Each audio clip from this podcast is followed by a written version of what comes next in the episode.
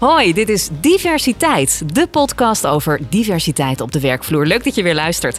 We bespreken actuele, lastige en humoristische thema's rondom diversiteit en inclusiviteit. En we schuwen daarbij, zoals altijd, de scherpe randjes niet. En deze keer gaan we het onder andere hebben over het branden van diversiteit. Hoe bouw je inclusiviteit in bij je merk? Mijn naam is Hannelore Zwitserloot en bij mij aan tafel zitten Okko Leiding, Managing Director van Harvey Nash Nederland. En Renzo Deurlo, oprichter van Green Fox Social Return. Die vanuit hun eigen bedrijf en hun eigen ervaringen meepraten. Welkom weer heren. Dankjewel. We hebben er zin in vandaag. hè? Absoluut. Absoluut. We Absoluut. zijn Helemaal born ready. En deze keer is onze gast Anja Molenkamp. Ze is Global Director Family Nutrition bij Friesland Campina. Dat als motto heeft van gras tot glas. En hiervoor draaide haar carrière vooral om glazen gevuld met Coca-Cola. Daar was ze onder andere Marketing Director. Anja, welkom eh, bij Diversiteit. Eerste vraag is natuurlijk, hoe belangrijk zijn de thema's diversiteit en inclusiviteit volgens jou? Ja, voor mij is het ehm, essentieel eh, om business vooruit te helpen. eh, maar ook om mij als persoon vooruit te helpen. Dus ik, ik kan mij eigenlijk niet voorstellen in mijn werk hoe ik zonder diversiteit eh, zou kunnen opereren. In een eh, global functie die ik nu heb, eh, gaat het om wereldwijde ja, consumenten, en, maar ook wereldwijde medewerkers, die allemaal met hun eigen ja, karakters, met hun eigen achtergrond aan tafel zitten. En ik weet gewoon, zij weten vaak beter wat er speelt in hun omgeving, in hun landen, dan ik. Dus ik kan alleen maar opereren en wij als bedrijf alleen maar opereren op ons best. eh, op het moment dat iedereen zichzelf mee kan nemen naar zijn werk en ze helemaal zichzelf kan zijn en dat het eh, totaal beter is dan, eh, dan alles van de individu, individu, zeg maar. Kan je daar een concreet voorbeeld van geven van hoe inclusiviteit ja, in jouw dag speelt? Ja, nou ja, ik. ehm, ehm, wat ik zei, als ik kijk naar, naar Friesland Campina, waar ik nu werk, dan eh, is dat een bedrijf wat opereert in 31 landen, ehm, of met kantoren in 31 landen. eh, onze producten verkopen in meer dan 100 landen. Als ik eh, kijk naar mijn eigen global team, dan, eh, dan zijn deze mensen eh, zitten verspreid in kantoren op zes plekken in de wereld, eh, met allemaal verschillende culturen, met nog meer culturen in het team. Eh, mannen en vrouwen. ehm, eh, allemaal verschillende soorten bedrijven qua achtergrond. Dat is voor mij al. eh, dan zit ik ook, opereer ik op afstand, hè, heel vaak. Eh, ik reis ook veel naar deze landen toe, maar ook heel veel gebeurt op afstand. Ja, in die contacten die je dan hebt, moeten mensen gewoon echt zichzelf kunnen zijn. En dat is iets waar ik elke dag ja, hard voor werk, maar waar ik ook heel veel lol uit haal en waar ik zelf heel veel van leer. Dat is aan de ene kant. Aan de andere kant, als je kijkt naar eh, de merken die wij hebben, en zeker binnen Friesland Campina, binnen Coca-Cola was dat anders. Maar dat zijn allemaal sterke lokale merken. Dus eh, als je het hebt over wat wij noemen family nutrition, dat is een beetje een rare term misschien voor anderen, maar eh, dat is bijvoorbeeld in Nederland Campina, maar in Indonesië is dat Frisian Flag, in, in, in Nigeria heet dat Peak. En dat zijn lokale merken van soms 100, soms 150, soms 80 jaar oud in die merken. En allemaal marktleiders. Zijn hele lokaal relevante Friesland merken. flag. Ja, Mooi. Ja, ja, ja, dat is eh, eh, ja, nummer één merk in Indonesië. En eh, in bijna 90% van de huishoudens in Indonesië. En dat, is eigenlijk, dat zijn merken met heel veel historie. maar ook heel erg ja, locally rooted, zeggen we dan. Echt geworteld in de samenleving. En daardoor, ehm, ja, ik, kan- daar, dat is, word ik niet gemarkt vanuit Nederland, zeg maar. Dus ik moet echt eh, dagelijks met deze teams werken om te begrijpen wat de consument in Indonesië bezighoudt. eh, of in Nigeria. En hoe we dus daar meer waarde kunnen is het bieden. gebrand als een Nederlands merk? Dus, want Nou, Friesland de kwali- ja. ja. het is dus eigenlijk dus de kwaliteit van Nederlandse melk. Of de kwali- daar, daar, daar eh, linkt het absoluut aan terug. Maar de eh, meeste van deze merken worden echt gewoon gezien als heel lokaal. Ja. Friesland, mooi. ja. Ik begrijp als je wereldwijd gaat kijken, dan zit het wel goed qua diversiteit natuurlijk. Dat kan niet anders. Maar als we even inzoomen op Nederland. Hè? Ja. Want ik lees eh, op de website, onze cultuur draait om het omarmen van de kracht van verschillen om samen te groeien. Het is de diversiteit van onze mensen, hun individuele enthousiasme en collectieve inzet om de toekomst van zuivel vorm te geven. Nou, dat, dat is prachtig Mooi, natuurlijk. En ik zag ook in een jaarverslag staan, diversiteit is de kracht van de coöperatie en geeft stabiliteit en wendbaarheid. Ik zag ook een online video met als slogan de kracht van wij. Nou vraag ik me af, ja, misschien is dat een vooroordeel, maar de Nederlandse melkveehouders, dat, hoe, ja, hoe divers is die groep? Zo divers is dat toch niet? Nou, ik denk als organisatie is dat wel iets wat ons echt uh, tekent. Kijk, ik, um, voor mij was het een van de drijfveren om bij Visant Campina te werken, was dat het een bedrijf is wat niet door aandeelhouders uh, gerund wordt, maar gewoon in handen is van 15.000 leden melkveehouders, die er niet alleen in zitten voor vandaag, maar ook in zitten voor morgen. Die hebben, nou ja, we hebben het debat in Nederland natuurlijk goed kunnen volgen in de afgelopen tijden. Um, de, de meesten die hebben al generaties lang hun bedrijven, hebben ook echt het idee dat ze het overdragen aan hun kinderen. Dat geldt niet voor iedereen. Daarbinnen zitten natuurlijk grote verschillen. Uh, ook daarbinnen, binnen um, de leden melkveehouders zitten um, melkveehouders die heel duurzaam produceren. Zitten mensen die wat meer massaal produceren. Maar er zitten, uiteindelijk is dat een, een achterban die uh, met hart en ziel uh, in die business zit. en, en daar werk ik voor elke dag. En dat vind ik anders dan dat ik voor een beurskoers werk. Um, en ik vind dat ook elke keer weer heel mooi. Dus ook als ik daar een bezoek breng, en dan, of, of als je op een boerderij bent, dan zie je weer van ja, dit is die familie met die, boer die gewoon elke ochtend om zes uur opstaat. En hier, dit, dit is waar wij voor. Dit zijn onze eigenaren. Dus dat op zich geeft al een enorme dynamiek in ons bedrijf, uh, waar, ja, die zich doorvertaald wordt. Dat je echt, we denken heel vaak van, we moeten dit uit kunnen leggen aan de boeren, wat we nu aan het doen zijn. Dus de, het, het standaard wat je vaak ziet in een grote corporate qua praten, dat, dat wordt bij ons al snel wat, nuch, wat nuchterder, denk ik. Uh, mogen ze tegenstemmen of voorstemmen? Hoe werkt dat inderdaad? Ja, ja nou ja, de, de hele organisatiestructuur die is vrij, uh, uitleggen, dat wordt vrij complex. Maar je hebt inderdaad, zij hebben een afvaardiging en we hebben de, de, co de coöperatie heeft een afvaardiging uh, die zijn allemaal gekozen en daar zit een, uh, een board boven en een bestuur. En die zijn eigenlijk uh, nou ja, samen in leiden zij de Friesland Campina NV. En, en hoe divers is die groep? Want dat zijn volgens mij allemaal witte mannen.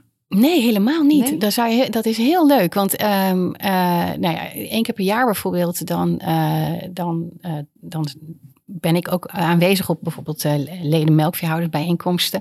Dat is niet iets wat er, dat staat normaal heel ver af van mijn dagelijkse werk, maar dat vind ik altijd heel fijn om te zien waar, wat daar dan gebeurt en wat er besproken wordt. Juist ook omdat je in de media vaak een bepaald beeld ziet en daar gewoon het verhaal rechtstreeks hoort. En dan zie je eigenlijk een zaal vol met mannen en vrouwen, hele jonge mensen, die juist heel enthousiast, of ja, nou ja, voor hen maakt het heel veel uit wat er besloten wordt. Hè? Dus wat is, wat is mijn toekomst? Ik wil verandering of ik wil weten waar ik aan toe ben.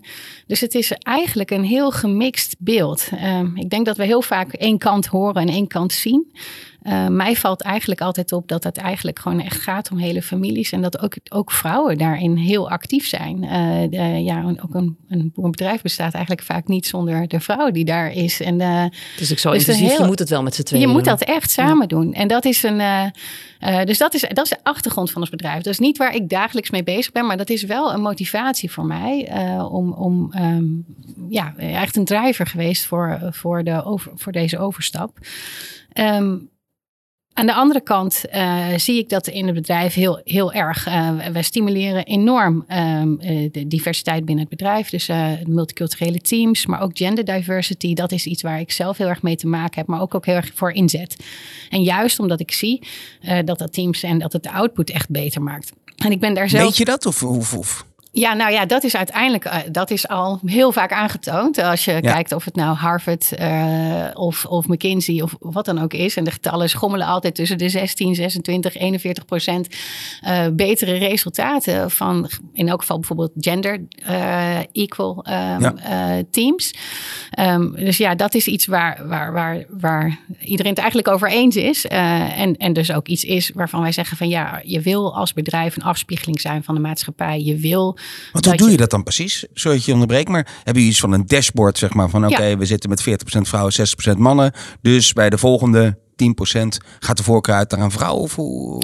Nou, wat wij uh, data gedreven, we zijn heel erg data gedreven. Dus dat is voor ons in, kern, in kernwaarde. Dus absoluut uh, begint dat bij inzichtelijk hebben hoe, het ervoor staat en dat tracken en daarop handelen.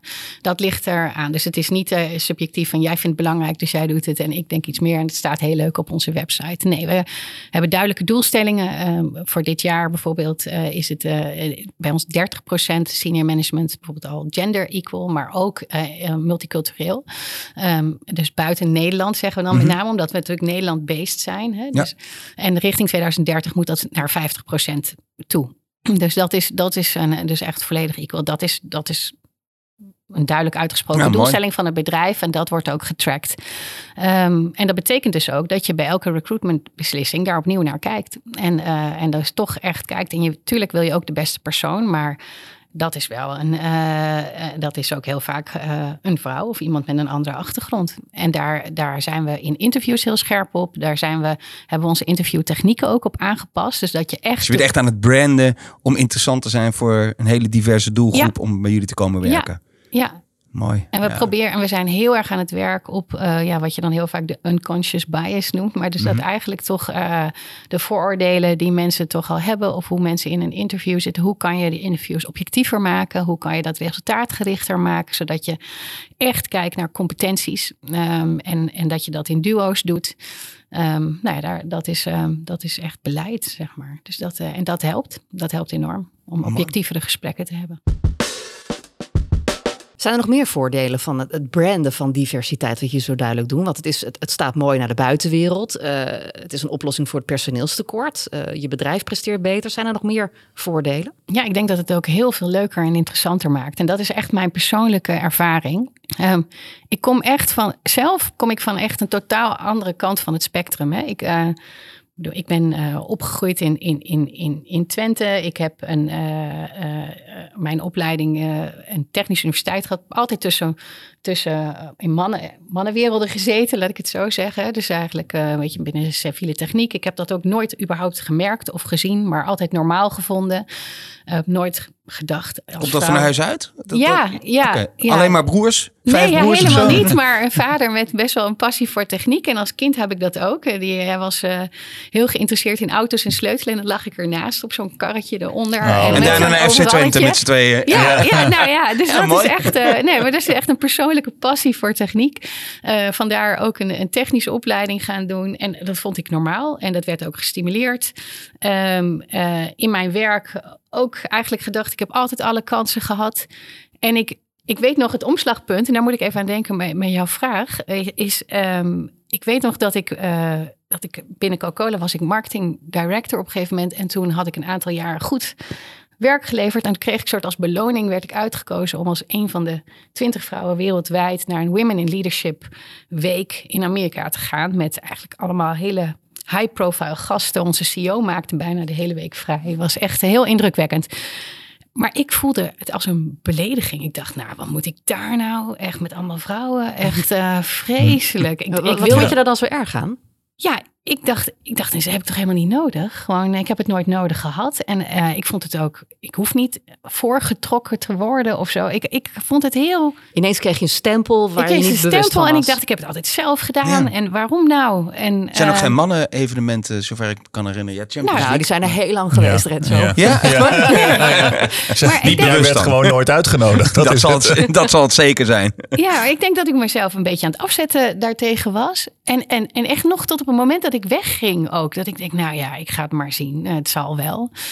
Uh, en dit is, dit is echt uh, tien jaar geleden of zo, denk ik. Ja, uh, hoe was het evenement? Ja, fantastisch. En dat is dus.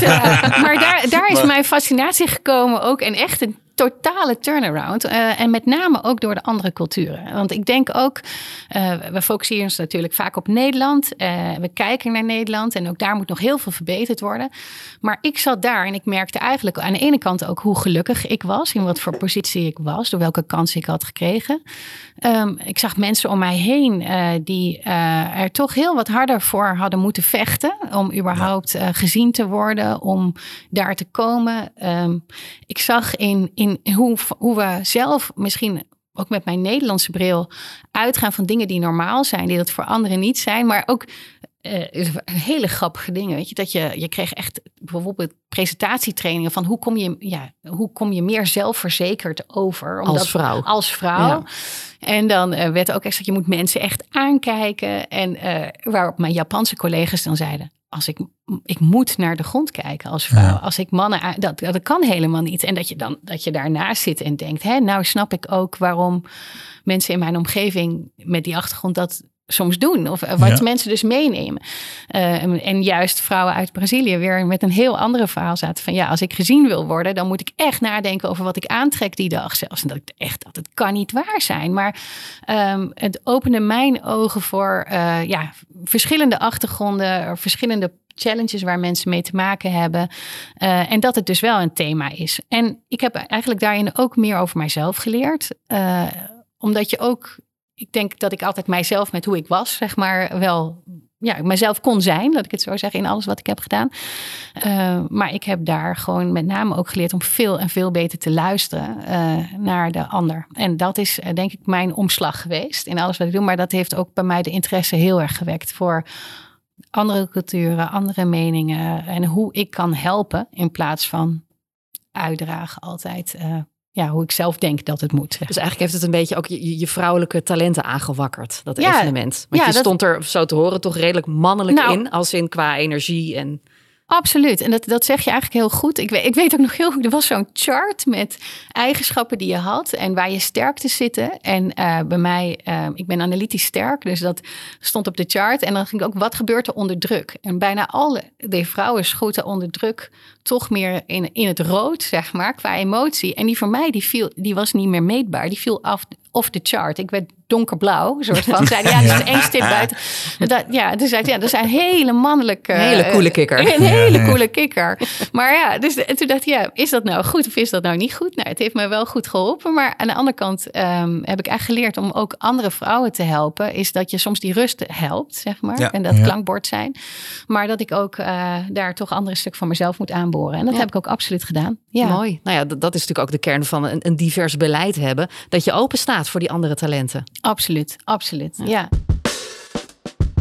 Als je, als je kijkt naar die, die lessen die je geleerd hebt uh, tijdens dat event, maar, maar nou, volgens mij reis je vrij veel. Heel veel, uh, ja. ja uh, dus je, je neemt heel veel kennis en ervaring van de rest van de wereld mee terug naar Nederland.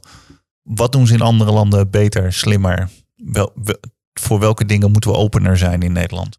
Ik, um, als ik iets heb geleerd, is dat het, en ik zei het net even, maar is dat we veel en veel beter moeten luisteren naar de ander. Ik denk dat ah, ik heb heel vaak als Nederlander in het buitenland begin ik inmiddels het gevoel te krijgen dat je, ja, misschien wat je, wat je wel herkent van op vakanties, dat je denkt, oh, daar zijn Nederlanders. Dus je, je hoort ze altijd. Ja. En ze weten praten, altijd praten die Duitsers toch goed Nederlands? ja, dat herken ik wel ja, op vakantie. Ze weten altijd hoe het moet. Ja, uh, lekker direct. Ja, lekker direct. Ze vertellen je ook wel even hoe het moet, weet je. En dat is, dat is um, ik heb die fout ook gemaakt. En ik denk dat ik uh, daarvan heb geleerd dat we het zo, hoeveel krachtiger het is om te luisteren en door te vragen. Uh, um, uh, om cultureel sensitief te zijn. En ook gewoon heel goed aan anderen te zien wanneer je moet stoppen en wanneer je toch een omweg moet doen om nog een andere vraag te stellen. En dat, is, dat heeft mij heel erg geholpen. En ik, ik zie ook dat het andere mensen helpt. maar dat is denk ik het belangrijkste. Ja. En als vrouw zijnde, uh, mag jij er overal net zo zijn als uh, in je eigen team in Nederland? Ja. Of is het in andere landen toch nog zoiets van... Hmm. Ja, toch wel. En dat is, dat is heel interessant. Want um, bijvoorbeeld in mijn, een van mijn favoriete landen om mee te werken is Pakistan. Is, mijn, is onze divisie in Pakistan. Oké. Okay. Uh, en daar, nou ja, dat is waarschijnlijk wat je, niet direct wat je... ik denk dan aan nee. cricket en aan hockey. En, en, en ja. voor de rest heb ik eigenlijk niet zo'n beeld bij Pakistan. Ja, nou ja, heel veel mensen denken dan Pakistan, Afghanistan Afghanistan. Oh, ga je daar naartoe? Is het gevaarlijk? Uh, en dat klopt allemaal. Je moet, ja, ik denk vooral, mag je mannen een hand geven? Moet ja. je gesluierd? Ja. Mag je ze aankijken? Ja. Nou, en, dan, uh, nou, en dat klopt allemaal. Dus die overwegingen die je hebt, die spelen daar allemaal. Uh, en dus dan moet je in het begin best wel even navigeren om te kijken hoe stel ik me daarop. ja, bedekt qua kleding. Zorgen dat je, um, dat je daar toch respectvol bent. maar als je dat bent, dan heb je ja, in de meest fantastische gesprekken gesprekken en discussies. En ja, ik, absoluut. Ik zie ook dat, ehm, ik, ik denk ook als ik kijk naar wie wij zijn als bedrijf, dan zijn we, ja, je zei het al, hè, we zeggen het heel mooi op onze website, maar we leven, we leven het ook echt na. Dus als ik kijk naar bijvoorbeeld onze teams in, in zo'n land, ik neem even Pakistan, daar zit ongelooflijk veel talent en heel veel talentvolle vrouwen. En, uh, en elke keer in mijn eerste bezoek, ik was zo verbaasd over de felle discussies tussen mannen en vrouwen over de inhoud, op marketingplannen, op, om het verder te brengen. En ik dacht, ja, dat was helemaal niet wat ik in mijn hoofd had. Het beeld wat ik hierbij had bij dit land, dat dat überhaupt kon. Um, wat, ik wel, wat je wel ziet in die landen is dat het vaak lastiger is voor vrouwen op de hogere posities. En dat heeft niet alleen met het bedrijf uh, te maken, want dat is absoluut iets wat wij heel erg stimuleren, maar dat heeft ook met de maatschappij te maken. Dus ik denk waar we soms aan voorbij lopen, is dat uh, een, een, dergelijke vrouw ook in een maatschappij zit en een familie zit die iets vinden of iets willen. En die vaak bijvoorbeeld wel gesteund worden al dat ze gestudeerd hebben en dat ze werken. Maar ik vergeet, ik vergeet bijvoorbeeld nooit een gesprek met een, een, een, jonge, hele talentvolle medewerkster daar. Die echt zei van, ja, ik ben zo gelukkig op kantoor. Ik kan hier helemaal zijn wie ik ben en mijn talenten worden aangeboord. Maar elke dag als ik naar kantoor bijvoorbeeld loop, dan word ik nagekeken. Al door mensen die zeggen van, ja, zou je eigenlijk niet iets anders moeten doen? Dus zij, zij vechten eigenlijk zichzelf elke dag een weg door om te zijn wie zij zijn. En als werkgever vind ik het dan heel mooi dat we daarvoor staan en dat we dat doen. Maar er zijn meerdere redenen waarom ook deze vrouwen soms uh, uh, ja, of net niet de volgende stap maken of niet willen maken. Uh, maar als bedrijf proberen we daar in elk geval heel veel aan te doen. Wat moet je dan bevlogen en ambitieus zijn als vrouw om het daar dus te maken? Ja. Ongelooflijk, ja. ongelooflijk. Dus dat is altijd iets waar ik elke dag dankbaar ben dat ik dat zie. In de twee werelden ook, hè? Dat ja. je zeg maar, thuis hè, niet de dominante kan zijn en op kantoor dan weer wel. Dat je daar wel tegen een man kan zeggen, we gaan naar links. Ja, dus dat is, dat is wat er speelt. En ik, uh, ja, ik denk wat meer, en dat is eigenlijk wat ik probeer te zeggen, wat meer begrip voor de totale situatie zou ons, denk ik, als Nederlanders ook vaak wel helpen. Uh, dat is vaak wat ik zie. Die vrouwen zijn vaak heel krachtig, heel goed, heel slim, goed opgeleid. Um, uh, maar ja, vechten ook in een, in een society, zeg maar, waar ze er bovenuit willen steken. Merk je ook omdat jullie als bedrijf openstaan voor deze vrouwen, uh, of, of, of wie dan ook met een afstand tot de arbeidsmarkt?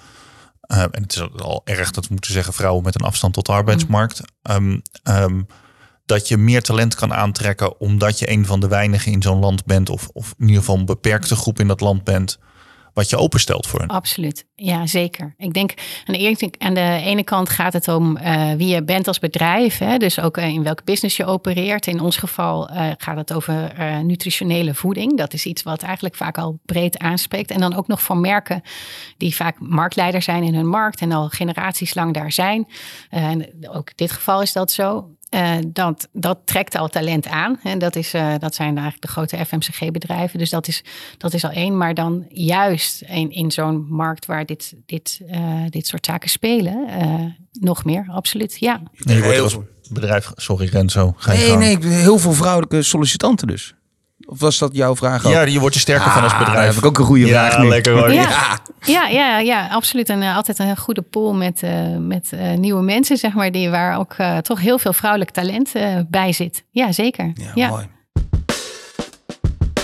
Ja, ik ben heel nieuwsgierig naar. Um, kijk, dit is natuurlijk een, een, bizar groot bedrijf. Ik weet niet hoeveel mensen werken bij jullie ongeveer. 21.000. Oké, okay, dat zijn dorpen in Nederland kleiner. Ja. Wat, uh, wat kunnen we nou als, als zeg maar, de, de MKB-bedrijven leren van zo'n corporate als het gaat om, om diversiteit, waar je zeg maar morgen gelijk mee aan de slag kan? Wat was voor jou een soort eye-opener dat je denkt van, ja, maar bij deze advertentie of wat dan ook kwamen opeens zoveel andere soorten mensen dan normaal gesproken zouden solliciteren? Maar ook een buitenlands voorbeeld zijn. Ja, qua, qua, Jij bedoelt eigenlijk hoe, hoe brand je dat, die diversiteit ja. heel concreet in exact. je communicatie naar buiten? Ja. Ja, dat is een, uh, dat is een hele goede. Dat is eigenlijk als je kijkt naar. Ja, absoluut. Goeie vraag. Ja, ja, ja, ja. Niet alleen Okko stelt, zeker kan zo. En dan, en dan gaat het. Uh, Sticker voor Renzo. misschien wel twee. Ja, misschien wel. Ik denk, nou, en dan even denken, want als ik het dan vanuit mijn uh, kant, zeg maar. Ik ben niet een, niet een HR, maar meer een commercieel persoon. Dus gaat het niet zozeer om uh, aantrekken van talent als in mensen, maar wel meer als kijken van, richting ja, wat wij noemen dan consumenten. Maar dus eigenlijk mm. mensen die, uh, die onze merken interessanter vinden. Ja, dan zijn wij heel erg altijd aan het kijken wat leeft er in die samenlevingen. Dus uh, ja, als ik bijvoorbeeld een nou, Indonesië is een mooi voorbeeld. We hadden het net over Frisian Flag. Daar zijn we heel erg aan het kijken, ook naar de merkpositionering.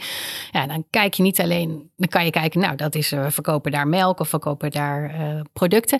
Maar we kijken daar iets echt wel verder naar wat speelt er dan in de maatschappij. En ook daar zie je dan verschuivingen in de maatschappij van mensen die ehm, ja, over de loop der jaren individueler zijn geworden. Vrouwen die een andere rol krijgen in de maatschappij, die eigenlijk hun plek opeisen. Hè? Dus waar je van een traditionele moederrol naar gaat naar, ja, maar ik wil veel proactiever. Ik wil ook voor mezelf kunnen zorgen. Ik, en dat is iets wat je moet vertalen in waar je merk voor staat. Ja. Dus um, de weerbaarheid bijvoorbeeld van, uh, van de Indonesiërs. Dat is eigenlijk iets wat, wat, wat een groot thema is. En dat is iets waar we eigenlijk onze hele marktcampagnes op aan het aanpassen zijn. Uh, om te zeggen van ja, hoe, hoe spreek ik die vrouw die daar staat aan? Uh, en dat is, ja, dat is anders dan 30 jaar geleden. Maar, waar, kan je daar een voorbeeld van geven? Zie ik dan ineens uh, een papa een uh, yoghurthapje geven aan een kind? Um, in dat soort landen is, gebeurt dat wel, maar is dat nog verder weg? Zeg maar, is toch de, de Dit idee moeder... wordt gejat. Ja, ja. ja zeker, absoluut. Zeker. Binnenkort zit jij in Indonesië en denk je, damn, dat is mijn idee. maar ik kwam gewoon echt oprecht af, hoe ziet dat eruit dan in zo'n Ja, campagne? nou ja, ik denk dat als jij denkt aan, aan advertising bijvoorbeeld, dan, dan, uh, dan zie je eigenlijk in een, uh, in een traditionele rol, zie je een moeder die overal voor zorgt en die, uh, die het kind voedt en die alles doet, die alle problemen wegneemt.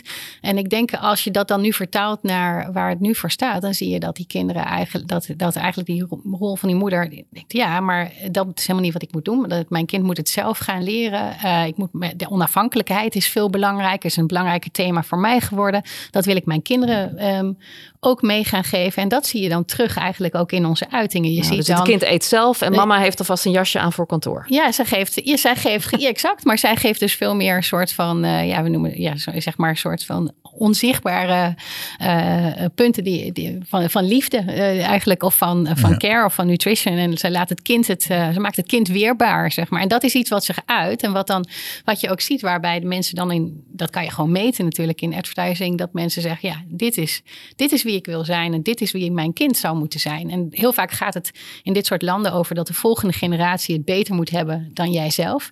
Ja. en dat is wat mensen raakt. En, en, maar de juiste toon daarin vinden daarvoor um, ja, doen we dan heel veel consumentenonderzoek uh, en, en, en, vertalen we dat door naar, naar dat soort punten, de, statements. Ja. Ik moet meteen denken, terwijl je dit vertelt, aan een, aan een ander voorbeeld in een ongeveer hetzelfde segment. Bud Light heeft uh, uh, zich altijd gepositioneerd in Amerika als All-American. nou, ik, voor mij komt de associatie van Texas en, en, en, en koeien meteen een, een, een, naar boven. En die hebben recent een transpersoon gebruikt in een reclame en hebben daar een enorme backlash van gehad. Ik neem aan dat je het mee hebt gekregen ja. in, in, jouw wereld. Ja. Um, hoe kijk je daar tegenaan? Want da daar zie je dat marketing voor het bedrijf de verkeerde impact, maar wel een enorme impact in de maatschappij heeft gemaakt. Ja. Um, um, en met, met, met alleen al het casten van de persoon kun je een enorme impact hebben Ja. in, de, in de lokale discussie. Hoe kijk je daar tegenaan? Ja, ik, het is heel bewonderenswaardig aan de ene kant. Uh, uh, aan de andere kant heb je ook een, een, ben je ook verantwoordelijk voor een business. Ik denk dat je altijd in, in een type business zoals wij hebben, gewoon in de gaten moet houden wat je doel is. Um, je hebt aan de ene kant de taak en met name de taak van, van marketing en van merken laten groeien, is dat je groepen aanspreekt die je op dat moment nog niet aanspreekt, nieuwe gebruikers, maar zonder je bestaande gebruikers van je te vervreemden. En dat is een balans die je moet uh, hanteren. En ik denk dat je een dergelijk thema ook op een iets mildere manier had kunnen brengen, waardoor je ja. toch de discussie opent, maar niet je trouwe gebruikersgroep van je vervreemdt. Aan de ene kant moet het een beetje schuren, hè? dat is ook gewoon goed. Ik denk dat marketing die niet schuurt is, uh, is behang, zeg maar. Maar ja. dat is, daar heb je niks aan. Maar echt, uh, um, ja, die balans is, is wel heel belangrijk. De toon goed slaan. Maar en dat kan je door, uh, heel goed onderzoeken. Uh, dat is niet een. een beetje de Coca-Cola Light Break van vroeger, hè? Ja, die was Die was echt wel. Ja. ja, ik zie Handeloor nu in één keer de ogen sluiten. Ja, de vraag is of die nu nog kan, hè? Dat is denk ik ook weer. Maar dat is een, Zou die nou niet meer kunnen? Ja, ja dat ben ik benieuwd. Ja. Ik kan me wel herinneren dat Coca-Cola Light was wel echt een, een, een vrouw. Ik dronk het standaard. Ja. Maar dat was inderdaad, toen kwam Coca-Cola Zero, omdat dat meer voor de man ja. zou zijn. Toen Ja. voelde ik me toch een beetje altijd alsof ik... Uh, Ja. Ranja met een rietje heb zitten drinken. dat, dat voelde niet goed. Ben je overgestapt? Nee, nog Nee. steeds Coca-Cola Light. Oh, ja. dat is goed. Ja, Ja, ja, ja. Ja, zou Ja. dat nog kunnen nu zo'n reclame? Ik weet het ja, niet. ja nou, dat is een goede vraag. Ik denk dat, je, dat we allemaal proberen eh, minder te stereotyperen. Eh, en, en inderdaad, eh, ja, ik, geen idee. Nee. Ja, Gemiddeld bouwvakker vindt het niet erg, denk ik, als er naar hem gefloten wordt. Nee? Nee, dat mag wel. Dat mag best. Ja. En Ja, stiekem vinden sommige vrouwen het ook wel leuk als ze er wordt gefloten, denk ik dan. ja Soms. zeker. zeker. Als er niet meer gefloten wordt, is helemaal Ja, niet dan moet je zorgen maken. Ja, toch? Kijk, dan horen we weer wat anders. We moeten toch vaak gaan fluiten ook. We moeten weer gaan oefenen. ja, ja. Tot slot, Anja, heb je nog een laatste concrete tip om ehm, eh, diversiteit en inclusiviteit te verwerken in je merk? Ik denk eh, dat je in de maatschappij moet staan als merk. Eh, dat je heel goed met je tijd mee moet gaan. En dat je altijd net grensverleggend moet proberen te zijn. Je tijd een beetje vooruit. Dus het moet een beetje schuren, wat we net zeiden. Ik denk ja. dat, je, dat je als merk eh, dat heel behoudend zijn. ehm, het uiteindelijk niet redt. En zeker als je jongere generaties wil aanspreken. En dat is uiteindelijk wat je toch wil, wil met de meeste merken. Je wil niet eh, het merk van je oma eh, worden. dan zal je eh, daar gewoon echt in moeten investeren. En continu jezelf moeten stretchen. En ik denk daar... ehm, ja, de tijden veranderen ook heel erg op dit moment. Dus ehm, er gebeurt veel. Er is een reden voor deze podcast, denk ik. Dat gaat om vrouwen, dat gaat om gender, dat gaat om iedereen die ze maar inclusief wil zijn. En ik denk dat je daar echt absoluut in moet investeren. Dat is een hele belangrijke. Anja, bedankt voor dit gesprek. En Ocon Rens natuurlijk ook weer bedankt. En jij bedankt voor het luisteren en graag tot de volgende aflevering van Diversiteit. En dan hebben we als gast Amin Assad. Hij is spreker en docent van het jaar. Volg Harvey Nash en Green Fox via de socials en volg onze podcast Diversiteit via de website, zodat je niks hoeft te missen. En die website is diversiteit.com en dan schrijf je tijd met een lange ei en een dirk op het eind.